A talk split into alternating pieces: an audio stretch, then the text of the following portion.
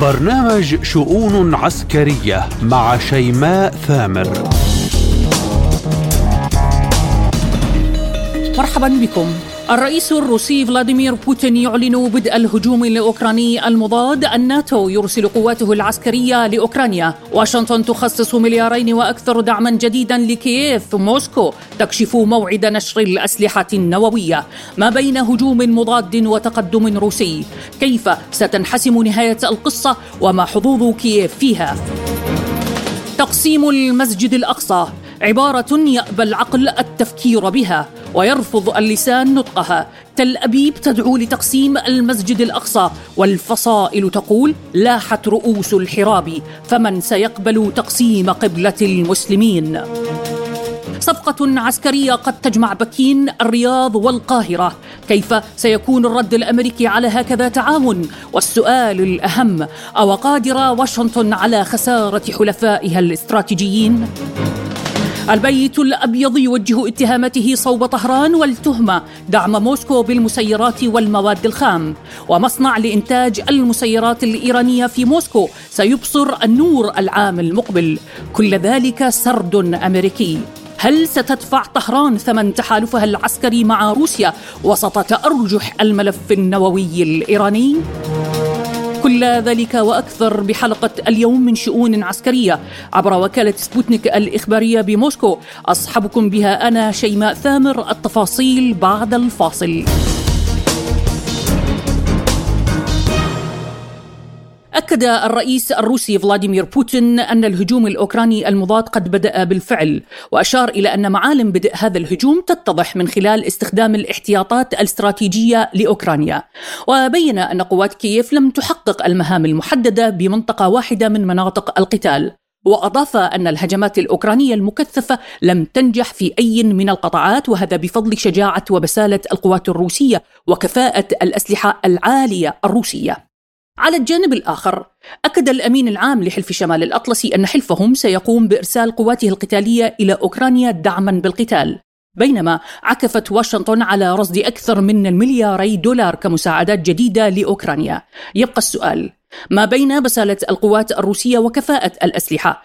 إن نفذت الاحتياطات الاستراتيجية لأوكرانيا ما الذي يبقى لديها؟ للحديث عن هذا الهجوم أستقبل معي عبر الهاتف من العراق الخبير العسكري الاستراتيجي الدكتور أحمد الشريفي. أحييكم دكتور معي بشؤون عسكرية وشكرا على تلبية الدعوة. دكتور الحديث عن الهجوم الأوكراني المضاد تكرر، لكن الرئيس الروسي يؤكد بدء هذا الهجوم. ما تداعيات تلك الخطوة؟ وبالأصح دكتور ما المفهوم الاستراتيجي العسكري لعبارة هجوم مضاد؟ بالحقيقة بقدر تعلق الأمر آه، بمسألة الهجوم المضاد. في تقديري أن أوكرانيا لا تمتلك المقومات لإجراء هجوم. في ظل ميدان مرتبك جدا وغير مسيطر عليه وهي تقاتل وفق أسلوب حرب العصابات ما يجعلها في وضع دفاعي متردد وليس حتى خطا دفاعيا متماسك. فكيف ستؤمن خط مواجهة للتحرك باتجاه الهجوم المضاد. يعني الهجوم المضاد هي مفردة تستخدم في الحروب الجبهوية. وعندما تكون هناك إعداد وتهيئة وما إلى ذلك ومناورة باتجاه الهجوم المضاد. فضلا عن افتقار أوكرانيا إلى الغطاء الجوي. إذا شرعت بتحريك بعض القطاعات على محاور معينة فستصبح صيدا سهلا للمقاتلات الروسية. ومسألة التحرك بهجوم لا يمتلك فيه قدرة الإسناد الجوي معنى ذلك هو يدفع قطعاته إلى الانتحار وفي تقديري لن يحقق شيء الهجوم. فضلا عن أنه حتى إذا حصلت حركة في الميدان كما يطلق عليه بكسر خطوط الدفاع فهذا ليس كسرا لخطوط الدفاع. في كثير من الأحيان حتى يتمكن الجهد الجوي الساند من اصطياد الأهداف المهاجمة. يصار إلى إبعاد القطاعات المدافعة بالانسحاب بداخل العمق حتى يترك ما يطلق عليه بمناطق ال safety range مناطق الأمان لاصطياد الأهداف المعادية برا. وفي تقدير إن هناك سيادة جوية مطلقة للروس في ميدان المعركة. وفي ظل هكذا معادلة خيار خاطئ جدا ويدلل على اميه آه، في الجانب العسكري لمن يختار آه، هكذا مبادرة. لا لا يمكن أن يكون هناك هجوم بدون غطاء جوي. فضلا عن أن يكون تفوق جوي للروس على الأوكرانيين ويتبنون الأوكرانيين قضية الهجوم المضاد. ثم مسألة الهجوم المضاد. إذا قارنا الإمكانيات الموضوعة في الميدان من قبل الأوكرانيين قبال التموضع الروسي وخطوط الصد الرصينه فهو لا يرتقي إلى مستوى هجوم مضاد، هذا الهجوم المضاد قضية إعلامية لإيجاد ضواغط نفسية آه، وسياسية وليست لها علاقة بالجوانب التعبوية لأنها تتنافى والاسس والمرتكزات لإدارة العمليات القتالية في ميدان ساخن كالميدان كخط التماس بين أوكرانيا وبين روسيا. آه، طيب دكتور الأمور اليوم وصلت إلى نقطة لا عوده، يعني بالنسبة لروسيا العملية العسكرية جاءت أساسا لحماية الأمن القومي الروسي، الناتو اليوم يؤكد أنه سيرسل قوات إلى كييف، بوتين يؤكد قرب نشر الأسلحة النووية ويحدد الموعد، كيف تقرأ محوري هذا الجانب؟ بالحقيقة كان واضح جدا آه، الخيار الذي دفع روسيا إلى اتخاذ إجراء آه، تبني العمليات الخاصة لأنه هناك فارق بين العمليات الخاصة وبين الحرب. إذا أصر الناتو على الدخول بشكل مباشر ستنتقل العمليات من الإسناد غير المباشر لأوكرانيا إلى الصدام المباشر بين روسيا وبين الناتو.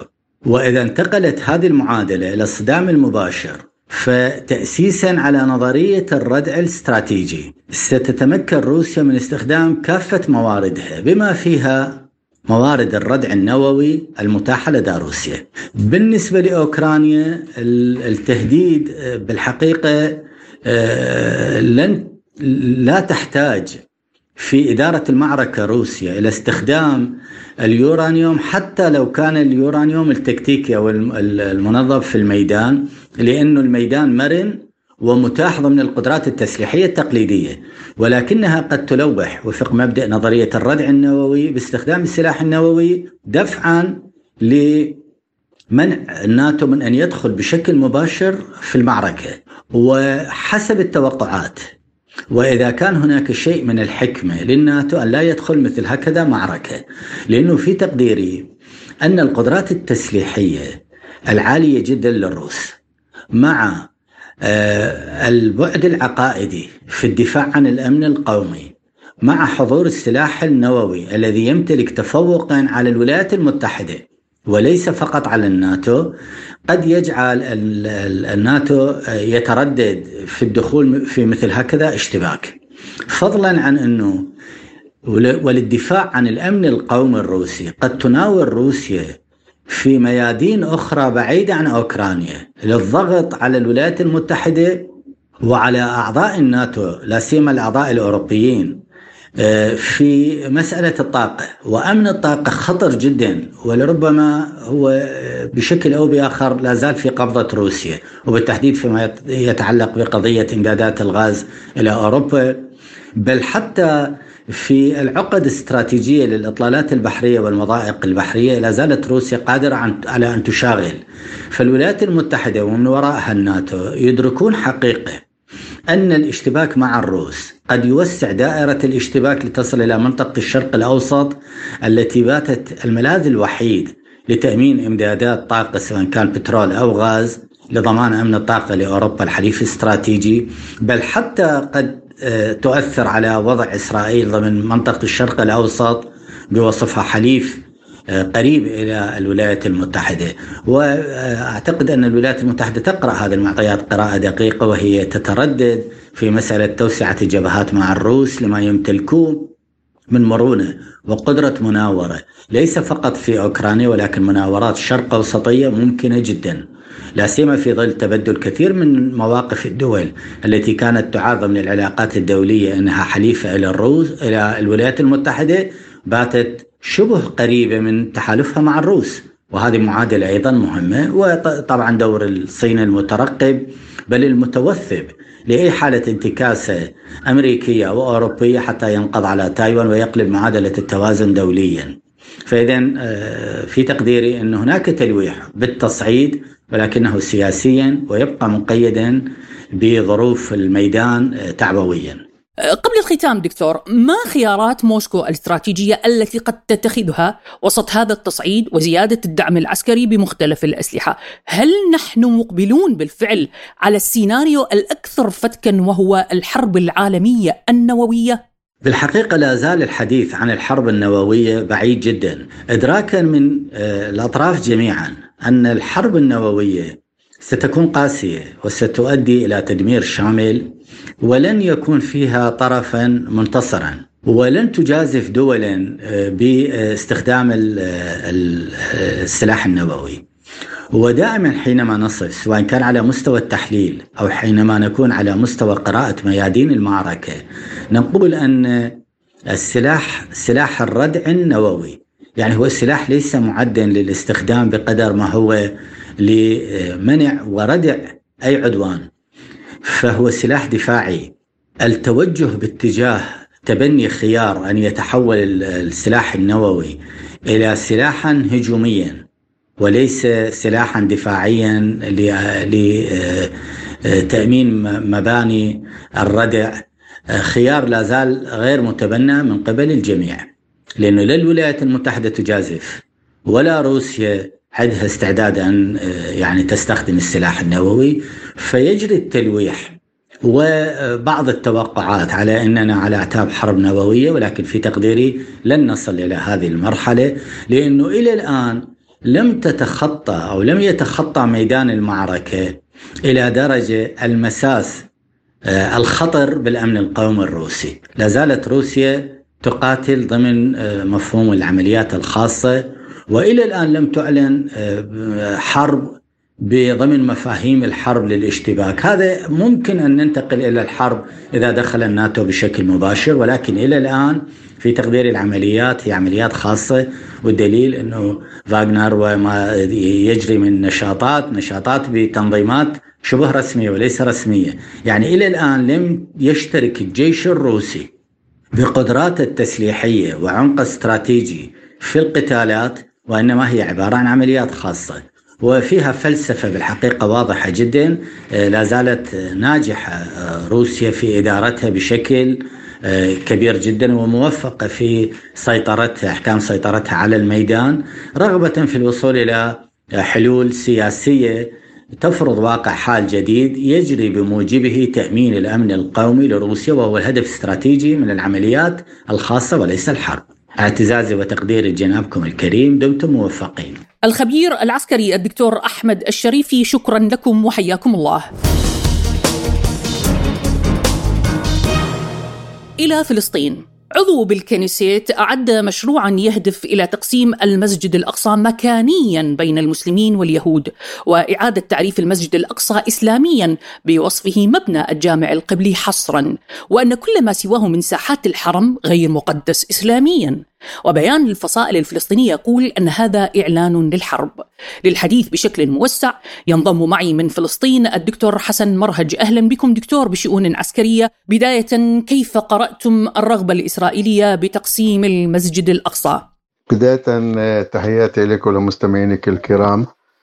يعني أنا باعتقادي مثل هذا التصريح يعني والقيام في تقسيم المسجد الأقصى على غرار ما حصل في المسجد الإبراهيمي في آه، الخليل. يعني هي بمثابة إعلان حرب عالمية آه، ثالثة في في المنطقة. وإذا كان أراد منها يعني الإعلام الإسرائيلي أو حتى السياسيين الإسرائيليين أو من اقترح هذه الفكرة تحديدا أن يرى رد الفعل للشارع الفلسطيني بداية ومنها يتوسع الأمر إلى المقاومة الفلسطينية على آه، آه، ساحاتها العديدة. فيعني آه، لن ينال ردود فعل حاليا على هذه التصريحات. ولكن إن ما حصل هذا على أرض الواقع لا قدر الله فأنا باعتقادي هي يعني سوف تكون جهنم على على الأرض.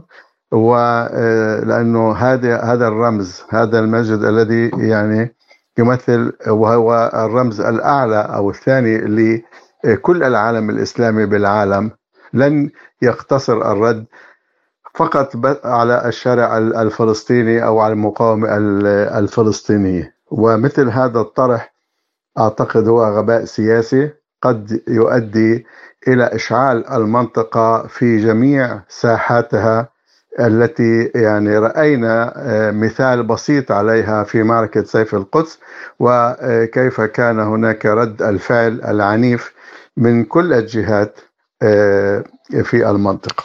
إن حصل هذا الأمر كيف سينعكس دكتور على المشهد الأمني الفلسطيني؟ يعني أنا باعتقادي إذا حصل مثل هذا الأمر آه، سوف يكون هناك رد كبير وواسع من المقاومة الفلسطينية في آه، جنوب في غزة تحديدا من الجنوب وسوف يكون هناك رد على شرقي القدس نفسها وسوف يكون هناك رد من الفصائل الفلسطينية آه، في الضفة الغربية وسوف تزيد من العمليات إن حصل وأرادوا تنفيذ مثل هذا القرار وتقسيم المسجد الأقصى.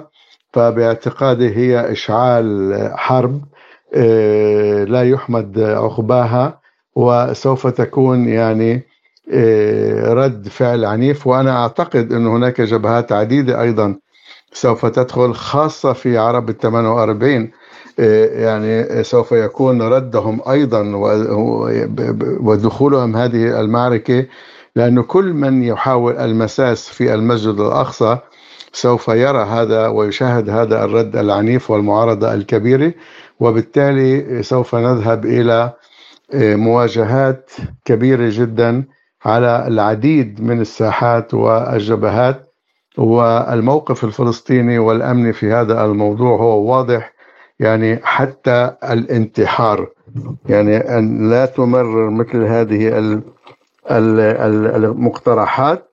يعني سوف يكون الموقف الفلسطيني بشكل عام الشعبي والأمني والفصائل المقاومة هو حتى ال ال يعني النصر أو أو الانتحار كما يقال أو الشهادة. فأعتقد هذا ما سيكون في المنطقة. وكما تحدثت سابقا يعني بالنسبة لموضوع سيف القدس كيف كان هناك يعني الآلاف المؤلفة التي ظهرت وحتى على حدود الأردن وحدود لبنان وأنا باعتقادي سوف تكون هناك محاور أخرى قد تدخل على هذا الخط وحتى أن لا يمرر أو حتى التفكير في مثل هذه الأمور قبل الختام دكتور ما الخيارات التي قد تلجئ لها فصائل المقاومة الفلسطينية هل ستكون تلك القضية هي الشرارة التي ستنطلق منها الحرب فعلا؟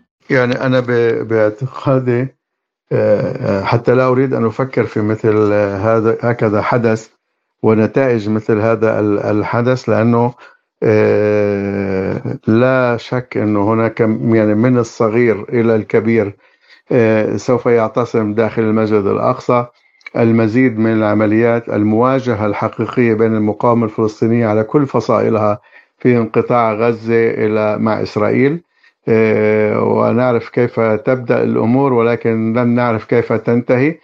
وأعتقد هناك جبهات أخرى فلسطينية سوف تتحرك من لبنان وسوريا لربما. وحتى من من الأردن. يعني هذه الأمور لن تمر مرور الكرام. عدا عن ذلك إنه المزيد من المواجهات والعمليات سوف تكون في الضفة.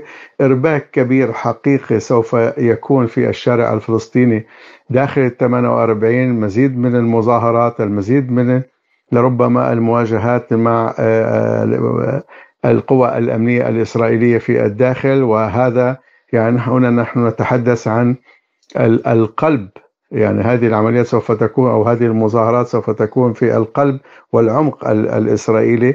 آه، وهذا يعني سوف أيضا يربك الأمن القومي الإسرائيلي يربك الشارع الإسرائيلي الجماهير اليهودية الإسرائيلية يعني لن يشعروا في أمان وسوف آه، يكون هناك يعني مزيد من آه، لربما العمليات الاستشهادية اللي قد نشهدها من قبل آه، الفلسطينيين من الضفة وأيضا مواجهات في مناطق أخرى. يعني إشعال المنطقة ونار جهنم سوف يعني تحرق الأخضر واليابس. هذا باعتقادي والخيارات هي كلها متاحة وموجودة اليوم ولكن يعني آه، هناك من سوف يعني موضوع المسجد الأقصى هو الخط الأحمر لكل مسلم ولكل عربي مسلم على على آه، وجه الكرة الأرضية والجميع سوف يتحرك. وهذا أنا أتحدث فقط على الصعيد المحلي ولكن أعتقد إن هناك ساحات وجبهات أخرى سوف تتحرك في هذا الاتجاه. وبهذا آه، يعني سوف تكون مواجهة كبرى بين الجانب الإسرائيلي والجانب الإسلامي والعربي والفلسطيني تحديدا. الخبير بالشأن الفلسطيني الدكتور حسن مرهد شكرا لكم وحياكم الله. إلى الصين صفقة عسكرية قد تجمع بكين، الرياض، القاهرة. تجري الصين حاليا محادثات مع مصر والمملكة العربية السعودية بشأن صفقات أسلحة كبرى وسط علاقات معقدة بشكل متزايد مع واشنطن فالرياض تسعى إلى أنظمة الدفاع الجوي وطائرات الاستطلاع بدون طيار ومصر ترغب بمقاتلات متعددة المهام. السؤال هنا كيف سيكون الرد الأمريكي على هكذا تعاون عسكري؟ وهل أمريكا قادرة على خسارة حلفائها الاستراتيجيين؟ السعودية بالنسبة لواشنطن حليف استراتيجي مهم. كان لنا حوار مع الأستاذ علي محمود رياء مدير موقع الصين بعيون عربية الذي أجابنا على تلك التساؤلات قائلا.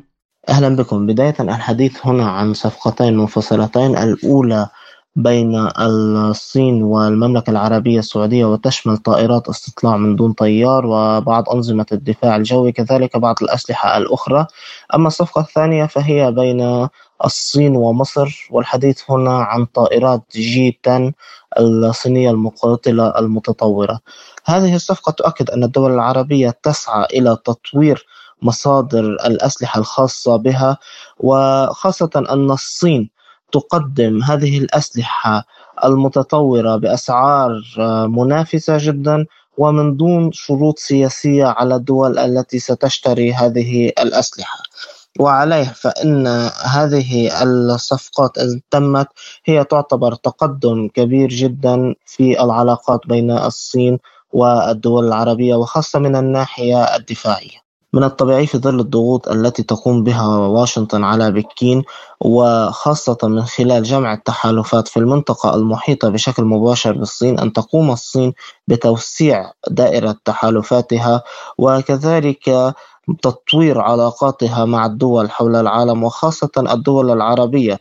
وكلنا يعلم أهمية المنطقة بالنسبة إلى الصين وبالنسبة إلى الولايات المتحدة الأمريكية. وعليه فإن مثل هكذا آه، تطوير في العلاقات يفيد الصين بشكل كبير جدا ويقدم للدول العربية فرصة كبيرة لتطوير قدراتها إن كان الدفاعية وإن كان الاقتصادية. وخاصة أن الصين هي طرف مؤثر بشكل كبير على مستوى النظام العالمي الجديد الذي يتم تشكيله وهو النظام المتعدد الأقطاب في ظل غياب الأحادية القطبية حول العالم. أما فيما يخص السؤال حول إن كانت واشنطن ستلجأ إلى تخيير الرياض أما أن تكون معها أو مع الصين وما هي وجهة نظره من التوتر المتصاعد بين الجانبين أجاب قائلا لا أعتقد أن الولايات المتحدة الأمريكية من مصلحتها تخيير السعودية بين الصين والولايات المتحدة الأمريكية وخاصة أن وزير الخارجية الأمريكي قال بنفسه هذا الكلام أن الولايات المتحدة الأمريكية لا تسعى لتخيير أو لا تطلب من أي دولة أن تقوم بالاختيار بين الصين والولايات المتحدة الأمريكية. وحتى وزير الخارجية السعودي أكد أن الصين أن السعودية تسعى لتطوير علاقاتها مع الصين وكذلك الحفاظ على العلاقات الودية وتطويرها مع الولايات المتحدة الأمريكية. والصينيون أيضا صرحوا ردا على هذه التصريحات بأن الصين تريد من الولايات المتحدة الأمريكية أن تقول ما تفعل في خصوص آه، عدم الطلب من الدول الاختيار بين الصين والولايات المتحدة الأمريكية. هناك تزايد كبير في التوتر بين الصين والولايات المتحدة الأمريكية وخاصة أننا في الفترة الأخيرة بدأنا نرى حوادث آه، في منطقة تايوان وفي منطقة مضيق تايوان تحديدا. تقارب بين طائرات صينية وطائرات أمريكية ومن ثم الحديث عن حادث بين سفن صينية وسفن أمريكية. آه، لا أحد لديه مصلحة في دخول الولايات المتحدة الأمريكية والصين في حرب لأن مثل هكذا حرب لن تكون مدمرة فقط على مستوى الصين والولايات المتحدة الأمريكية بل ستؤدي لخسائر كبيرة على مستوى العالم ككل. وعليه أعتقد أن زيارة آه، وزير الخارجية الأمريكي إلى بكين خلال الأسبوع المقبل سيكون لها دور كبير في ضبط حدة هذا الخلاف ومحاولة تخفيف التوتر وتنفيذ الاتفاقات التي تمت بين الرئيس الصيني والرئيس الأمريكي خلال اللقاء الأخير الذي جمع بينهم. كان هذا أبرز ما قاله الأستاذ علي محمود ريا عاودت الولايات المتحدة إلى توجيه أصابع الاتهام إلى طهران بحجة تزويدها لموسكو بالمسيرات والمواد الخام بالعملية العسكرية الخاصة في أوكرانيا. الخارجية الأمريكية بيّنت أنها وبحسب تعبيرها اطلعت على معلومات سرية تفيد أن مصنع لإنتاج المسيرات الإيرانية سيبصر النور بروسيا مطلع العام المقبل. على الجانب الآخر الملف النووي الإيراني ما زال يتأرجح إلى الآن. قد يتساءل البعض هل ستلجأ واشنطن إلى جعل طهران تدفع ثمن تعاونها العسكري وتحالفها الاستراتيجي مع روسيا؟ للإجابة على هذه الأسئلة أستقبل معي من مصر الخبير بالعلاقات الدولية والأمريكية الدكتور أحمد سيد أحمد أهلا بكم دكتور وبداية كيف تقرأ توجيه الاتهامات الأمريكية صوب طهران بتهمة دعم روسيا عسكريا بالمسيرات. في الواقع أن اتهامات واشنطن لطهران في هذا التوقيت بمساعدة روسيا ودعمها عسكريا بالمواد الخام والأسلحة والمسيرات في العملية العسكرية الخاصة التي تقوم بها روسيا في أوكرانيا إنما تستهدف ممارسة الضغوط الأمريكية على روسيا بعد أن حققت روسيا والقوات المتحاربة الحليفة معها في آه، آه، إنجازات كبيرة آه، في أوكرانيا خاصة في محور بخموت. كما أنها أيضا محاولة لمحاولة عزل روسيا دوليا ومحاولة يعني الضغط على إيران لعدم التعاون العسكري مع روسيا وإظهار أن روسيا معزولة في المجتمع الدولي. وهي نفس الاستراتيجية التي طبقتها أيضا في السابق مع الصين ومارست الضغوط عليها لعدم التعاون الاستراتيجي والعسكري مع روسيا. الأمر الثاني هي أيضا مرتبطة بملفات أخرى متعلقة بإيران لكن على الأقل التوقيت آه، جاء في ظل انطلاق ما يسمى الهجوم الأوكراني المضاد آه، وتحاولت تحميل إيران آه، مسؤولية هجمات الطائرات المسيرة التي تقوم بها القوات الروسية في أوكرانيا خاصة في كييف. وبالتالي هي ضغوط سياسية أكثر منها ضغوط أو أرقام حقيقية عسكرية العسكرية خاصة في ظل آه، آه، عدم نفي روسيا لتلقي هذه الطائرات أو هذه المواد الخام العسكرية من إيران طيب دكتور أحمد، عقوبات فرضت على شركات إيرانية وشخصيات إيرانية أيضا بحجة الدعم لموسكو، هل برأيكم واشنطن تسعى لجعل طهران تدفع ثمن التحالف مع موسكو؟ يعني بالفعل أمريكا تسعى آه، إلى أن تدفع إيران ثمنا باهظا وتكلفة عالية لتعاونها العسكري والاستراتيجي مع روسيا، نحن نعرف أن هناك علاقات استراتيجية قوية قديمة ما بين روسيا وبين إيران، هناك تعاون في مجالات مختلفة سواء في المجال مجال آه، التعاون العسكري في مجال حتى التعاون آه، النووي. وروسيا يعني لعبت دورا في بناء المحطات في التعاون النووي مع إيران. أيضا فيما يتعلق بالتعاون الاقتصادي. يعني هناك الآن ما نسميه المعسكر الشرقي الذي يضم روسيا وإيران والصين ويعتمد على تعزيز روابط العلاقات الاستراتيجية والعسكرية والأمنية والاقتصادية لتقوية مصالح هذه الدول من ناحية وفي ذات الوقت يعني يعني مواجهة هذا التمدد والتغلغل والنفوذ الأمريكي وسياسات الهيمنة الأمريكية في العالم. ولذلك العقوبات الأمريكية على أفراد وشركات إيرانية مرتبطة بالتصنيع العسكري وتصدير الأسلحة إلى روسيا. يأتي في سياق الضغط على إيران من ناحية أن وجعلها تدفع ثمنا لهذا التعاون الاستراتيجي الذي يستهدف محاولة فك الاشتباك ما بين روسيا وما بين إيران أو إبعاد إيران عن روسيا لعزل روسيا من ناحية ولعزل إيران من ناحية أخرى.